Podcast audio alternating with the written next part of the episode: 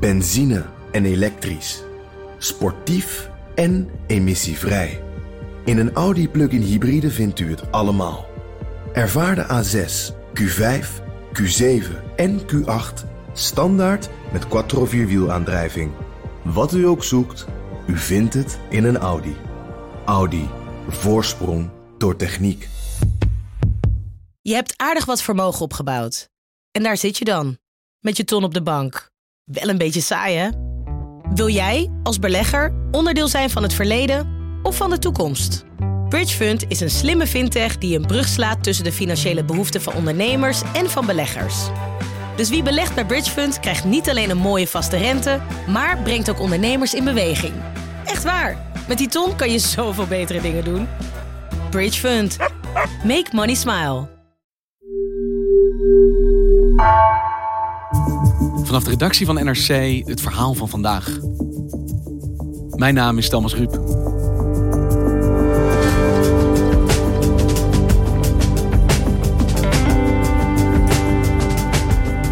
Ouderen hadden zwaar te lijden onder de eerste coronalockdown. Ze belanden in afzondering met vaak grote mentale en fysieke gevolgen. Onoverkomelijk? Of kan het, nu de tweede golf begonnen is, anders? In Rotterdam wordt geëxperimenteerd met digitale dagbesteding speciaal voor ouderen. En Truus, de 87-jarige bovenbuurvrouw van redacteur Shaila Kamerman, doet mee.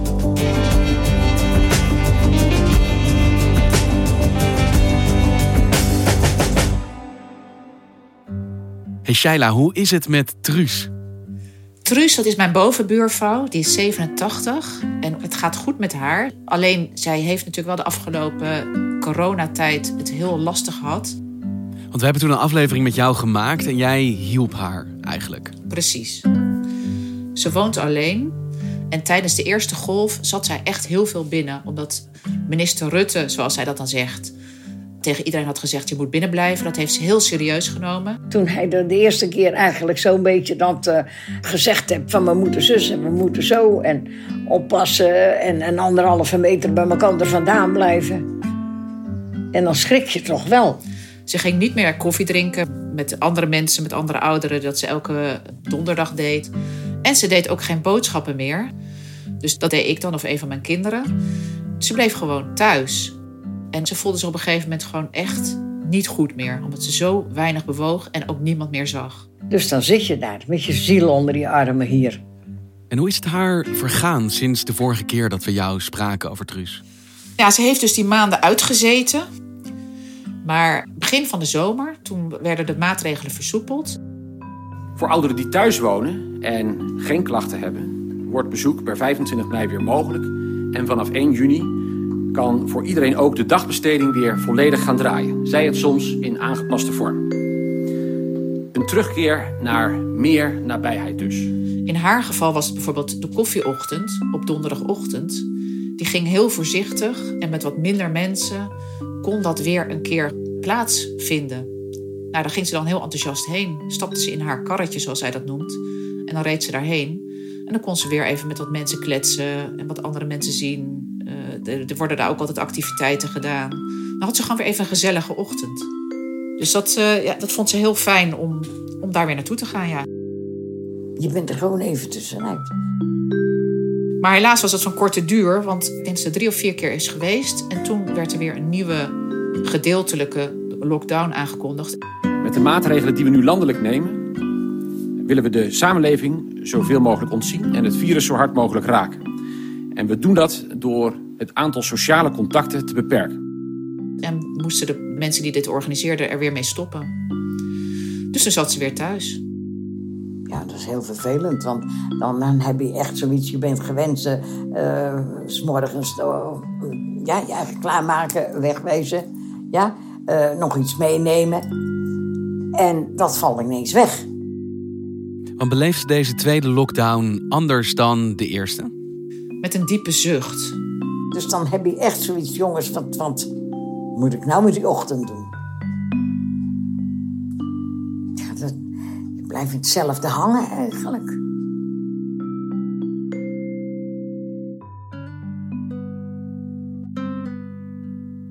Maar omdat natuurlijk Truus niet de enige was in deze situatie, heeft de zorginstelling die ook die koffieochtenden organiseert bedacht van we moeten toch een soort alternatief verzinnen.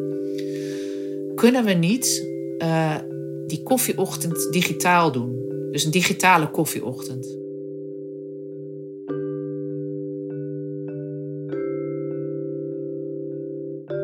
Ja, dus in plaats dat je ouderen uit huis haalt en naar een sociale omgeving brengt, breng je eigenlijk die sociale omgeving naar hen thuis toe. Precies. En zij dachten van oké, we gaan dat met een aantal, met twee groepjes, gaan we dat eens proberen. We doen twee koffieochtenden, of ik geloof een koffieochtend en een koffiemiddag. Met een klein groepje ouderen gaan we eens kijken hoe dat werkt. En dan is er een, uh, een kenniscentrum, Filans. En die zouden dan gaan volgen. Eh, hoe dat gaat. En als deze proef dan positief zou zijn na een aantal maanden, zou daar een verslagje van maken. Dan zouden ook meerdere uh, zorginstellingen of mensen die op een of andere manier zo normaal gesproken koffieochtenden organiseren, zouden dat dan ook kunnen gaan doen. Zodat ze eh, een alternatief hadden als mensen in lockdown en thuis zitten. Zodat ze niet helemaal weer vereenzamen en niemand meer zien. Hey, en hoe werkt dit dan? Want ik zit zelf even na te denken hoe vaak ik überhaupt gewoon een teamsvergadering hier op werk niet eens inkom. ja, dat is natuurlijk heel lastig, want niet elke oudere heeft een computer en is daar heel handig mee. Heb jij al Microsoft, heb jij Teams? Dat? Teams. Wat zijn dat?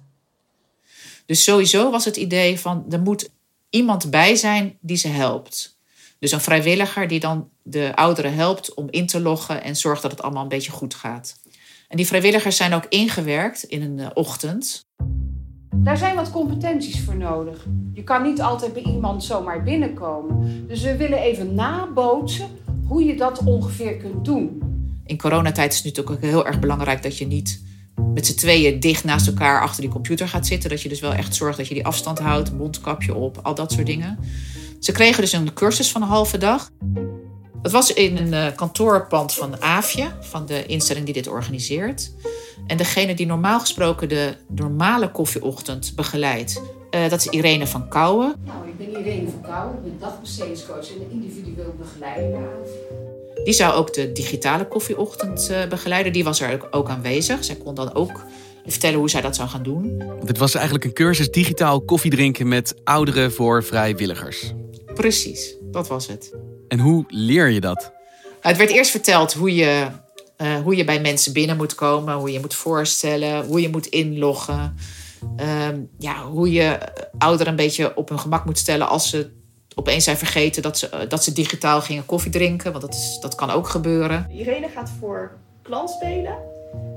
Um, wie vindt het leuk om zometeen te oefenen met hoe je aanklopt? En daarna waren er een aantal rollenspellen. Van hoe kom je nou bij iemand binnen? Hoe bel je aan? Hoe vertel je wie je bent? Hoe identificeer je je? En hoe gaat het dan verder als je naast iemand zit op afstand dan? Uh, om digitaal te gaan koffie drinken. En dat was wel heel grappig, omdat degene die dan de ouderen speelde, wel er ook echt haar best deed om daar niet al te makkelijke ouderen van te maken. Dus ik speel de ouderen, ik doe de deur open en jij komt binnen. Ik ben benieuwd hoe jullie dat doen. En zo kunnen jullie handvatten krijgen. Je mag buiten de deur gestaan, doe ik voor jou ook. Het was ook wel heel grappig. Er waren twee jonge meisjes die uh, zich hadden opgegeven voor, als vrijwilliger. Zij studeerden allebei zorg en welzijn. En ze dachten van nou, dit past helemaal in ons, uh, bij onze opleiding. En we gaan dat doen. En bovendien vinden we het ook heel leuk om een ouder iemand te helpen. Jullie komen dan wel gewoon nu binnen, want dan zitten jullie niet. Zij blijft zitten, jullie komen binnen. Kom samen maar. Doe het samen, dan ben je sterker. Die twee meisjes die stonden dan zogenaamd buiten. Dus ik zit hier al en ik moet dan mee naar de volgende ruimte, naar een andere ruimte. Waar de tablet al waarschijnlijk klaar ligt. En uh, klopte op de deur. Dat was natuurlijk in dat kantoor. Die stonden op de gang. Die klopte op de deur. Hallo, meisjes. Wat komen jullie doen vandaag? Uh, we komen u meenemen naar de andere ruimte. Nee, ik ga niet mee. Waarom niet? Oh, waar moeten we naartoe dan? Op, op, een andere ruimte waarop een laptop of tablet zit. En wat gaan we dan doen? Um, ik blijf liever hier koffie drinken. Kan het niet hier? Uh, nee. Waarom niet dan? Want de andere ruimte is beter dan dit. En daar zitten veel tablet in, dus uh, we kunnen daar gaan. Moesten ze zich dan doorheen kletsen. En dat was best wel even een worsteling voor ze. Kan het echt niet hier? Nee. Is het een beetje te druk hier? Ja, zeker. Het is heel druk. Dus we moeten gaan. Maar uiteindelijk eh, lukte dat prima. En zaten ze bij de ouderen eh, binnen en op de koffie. En eh, waren ze aan het inloggen, zou ik maar zeggen. Oh, nou dan ga ik mee hoor. ja, dan ga ik mee. Leuk hoor, meiden. Dat vind ik leuk. Applaus.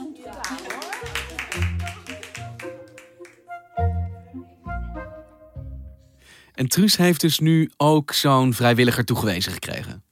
Ja, Truus heeft Moos, die normaal gesproken bij de eh, fysieke koffieochtend, om het maar even zo te noemen, de koffie schenkt. En ook een beetje hand- en spandiensten eh, verleent. Maar die komt nu bij eh Truus om haar te helpen in te loggen. En hoe was het? Hoe ging haar eerste digitale dagbesteding koffiedrinkochtend? De eerste keer ging er echt heel veel mis. Het duurde al sowieso heel erg lang voordat iedereen was ingelogd. Lang niet iedereen had Teams gedownload. Dat moet je eigenlijk van tevoren doen. Maar dat is ook wel te verwachten. Weet je, de eerste keer dat is ook helemaal niet erg. Hey, kijk, daar komt ze net binnen. ja. Moeten wij nou op een knopje drukken? Goedemorgen, leuk dat je er bent. Moeten we even kijken of jij... Niet in beeld. Iedereen moest ook leren van, weet je, microfoon aan, microfoon uit. Je kan je eh, camera uit en aanzetten. Eh, Theo, Ja? Ik ga jullie af en toe even dempen, want anders dan verstaan we alles door elkaar heen. Dus ik ga het microfoontje ga ik indrukken. Maar als ik jou weer aan het praten wil hebben, dan moet jij hem zelf weer goed zetten. Oh. Maar de tweede keer ging het alweer echt een heel stuk soepeler. Goedemorgen, Irene. Goedemorgen. We Ja. wachten nog op Annemiek. En Dave? Ik, ik zie eh, Theo. Annemiek, ben je er? Annemiek. Annemiek is de hort op. Toen zat iedereen er echt na, na vijf of tien minuutjes in. Goedemorgen Annemiek. Kan jij je microfoon aanzetten? En eenmaal ingelogd en verbonden met elkaar, wat doen ze dan? Ze beginnen met een rondje hoe het met iedereen gaat. Nou, dat is al heel erg leuk om te horen. Wat heb jij van de week gedaan voor leuke dingen? Ik heb gelinedance en dat ging door. Oh, wat fijn! En dat vond ik zo fijn, ja. Hoe is het met jou, Truus? Rustig. Ja, Spreek jij nog andere mensen? eh, het is ja, minder natuurlijk. Eh, Ja. Ik ga een keer naar mijn zus of mijn zus komt een keer hier. En, en zij, ja, komt ieder- zij komt iedere dag. Komt ze iedere dag, joh? Nee, niet iedere dag hoor. Om de dag ongeveer. En dan worden er ook een aantal activiteiten gedaan. Ehm, er zijn een aantal bijvoorbeeld geheugenspelletjes. Wij gaan naar de volgende oefening. Ik laat aan jullie, net als vorige week, de boodschappenlijst zien. Pasta saus, kokosnoot, lucifers, Eh, is het eigenlijk een beetje een soort wedstrijdje wie de meeste boodschappen heeft kunnen onthouden. roomboten en cake mix. Ja. Onthouden, hè, jongens? Verder wordt ook veel bewogen op muziek. Een soort gymnastiekoefeningen worden gedaan. Maar dat is, nu zitten ze natuurlijk achter de computer. Dan is dat bewegen wat lastiger. Je kan ook niet zo'n oudere vragen om in zijn eentje door de kamer te gaan springen. Of echt eh, ja, op één been te gaan staan. Dat is gewoon gevaarlijk. Ik heb een filmpje van een mevrouw die beweegt met haar gezicht op allerlei manieren. Maar je kan natuurlijk wel je hoofd bewegen, je gezicht, allerlei spieren van je gezicht. Wij doen hetzelfde als die mevrouw. Mijn kop krabbelen. Trek aan je oren. Nee, nee, nee, nee.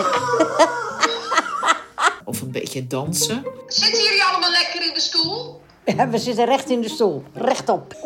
Daar komt hij hoor.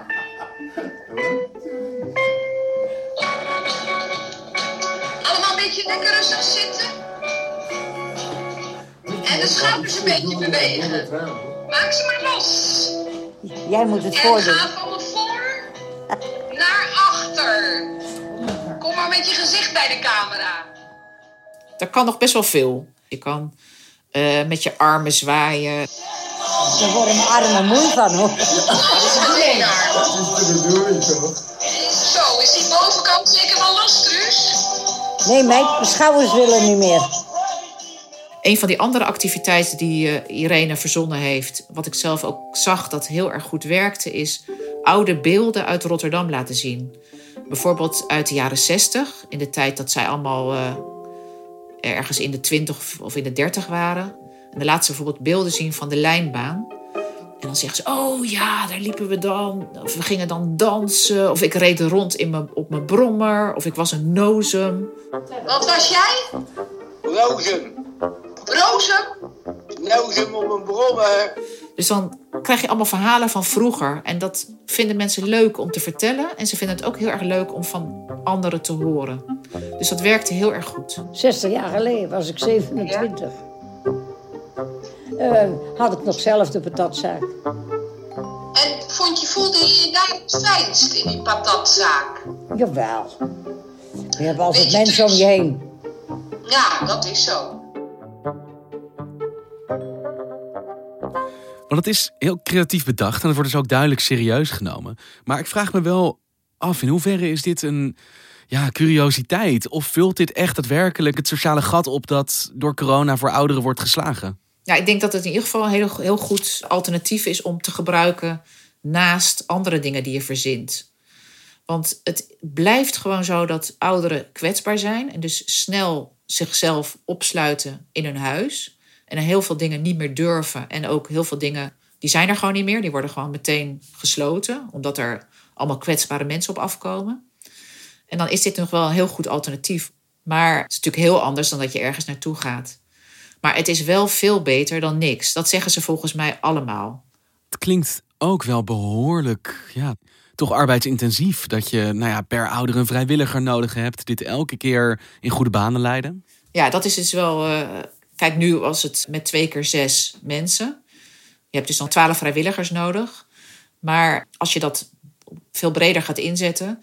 En ook uh, de bedoeling is dat, ook elders in Nederland mensen dit gaan volgen. Dus ook gaan doen dan zal je dus wel op zoek moeten gaan naar heel veel vrijwilligers. Inderdaad. En die moet je ook wel een beetje. Dat kost allemaal niet zo verschrikkelijk veel tijd, maar je moet ze wel een beetje inwerken. Dus dat, uh, je hebt veel mensen nodig. Ja. En ook mensen die dat kunnen begeleiden, want dat is ook niet makkelijk. Die Irene van Kouwen zei tegen mij: ik, ik voel me echt een soort acteur bijna. Je moet daar gewoon zitten en de hele tijd zorgen dat je de aandacht vasthoudt. Dat is anders dan als je op zo'n gewone koffieochtend bent. Weet je, dat loopt vanzelf ook wel als je er niet de hele tijd staat te praten. Maar nu moet zij de hele tijd op haar kivief zijn. En zorgen dat ze iedereen erbij houdt. Dus dat is een hele andere manier van werken. Dat moet je ook leren en dat moet je ook kunnen. Je moet dat, uh, dat kan niet iedereen. En voor Truus, hoe waardevol zijn dit soort digitale initiatieven voor haar? Zij vindt dat dus heel gezellig. Ze vindt het heel prettig om andere mensen te zien. Maar zij mist wel de echte uitstapjes waarvoor ze de deur uitgaat. Ja, want het brengt sociaal contact terug, maar het brengt je nog steeds je huis niet uit. Precies. Hey, en jij, doe jij haar boodschappen nog, ook deze tweede lockdown? Haar boodschappen doet ze tegenwoordig weer zelf. Dat vindt ze ook heel prettig, want dan kan ze gewoon precies uh, uitzoeken wat ze wil hebben. Dat deed je ook niet helemaal goed altijd, geloof ik? nee, nou ja, ze, ze, wil gewoon heel specifiek bepaalde dingen hebben. En als ik dat dan niet helemaal precies deed, dan was ze ook wel tevreden. Maar ze vindt het gewoon fijner om het zelf te kunnen uitzoeken. Dus dat doet ze. Op dinsdagmiddag gaat ze dan haar boodschappen doen. Uh, ze weet dat er dan markt is in de stad en dat veel mensen daar naartoe gaan, waardoor het rustiger is in de supermarkt. En dan, dat zie je al, want er staan er veel minder auto's op de parkeerplaatsen. En dan denk ik, ziezo, ik zal nou, nou mijn beurt. En dan gaat ze de supermarkt uh, in om boodschappen te doen. En dan uh, let ze heel goed op dat, uh, dat ze afstand houdt van iedereen. Je weet het, ik heb toch al last van manieren, dus ik moet, daar, ik moet niet zien dat ik dat oploop, want dan is het verkeken.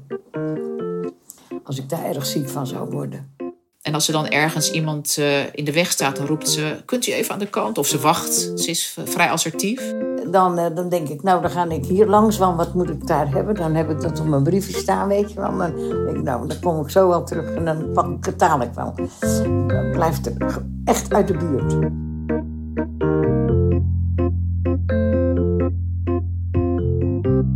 Zo komt ze dus toch nog even buiten. En ze weet gelijk zeker dat jij niet weer met net de verkeerde koekjes komt aanzetten. Ja, precies, ja. Ja, nee, ze haalt precies nu de koekjes en uh, de zalm en het brood, wat ze zelf uh, wil hebben.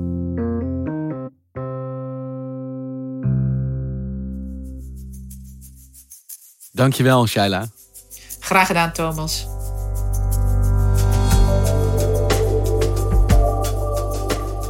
Je luisterde naar vandaag, podcast van NRC. Eén verhaal, elke dag. Deze aflevering werd gemaakt door Ido Havinga en Ruben Pest. Chef van de audioredactie is Anne Moraal. Dit was vandaag.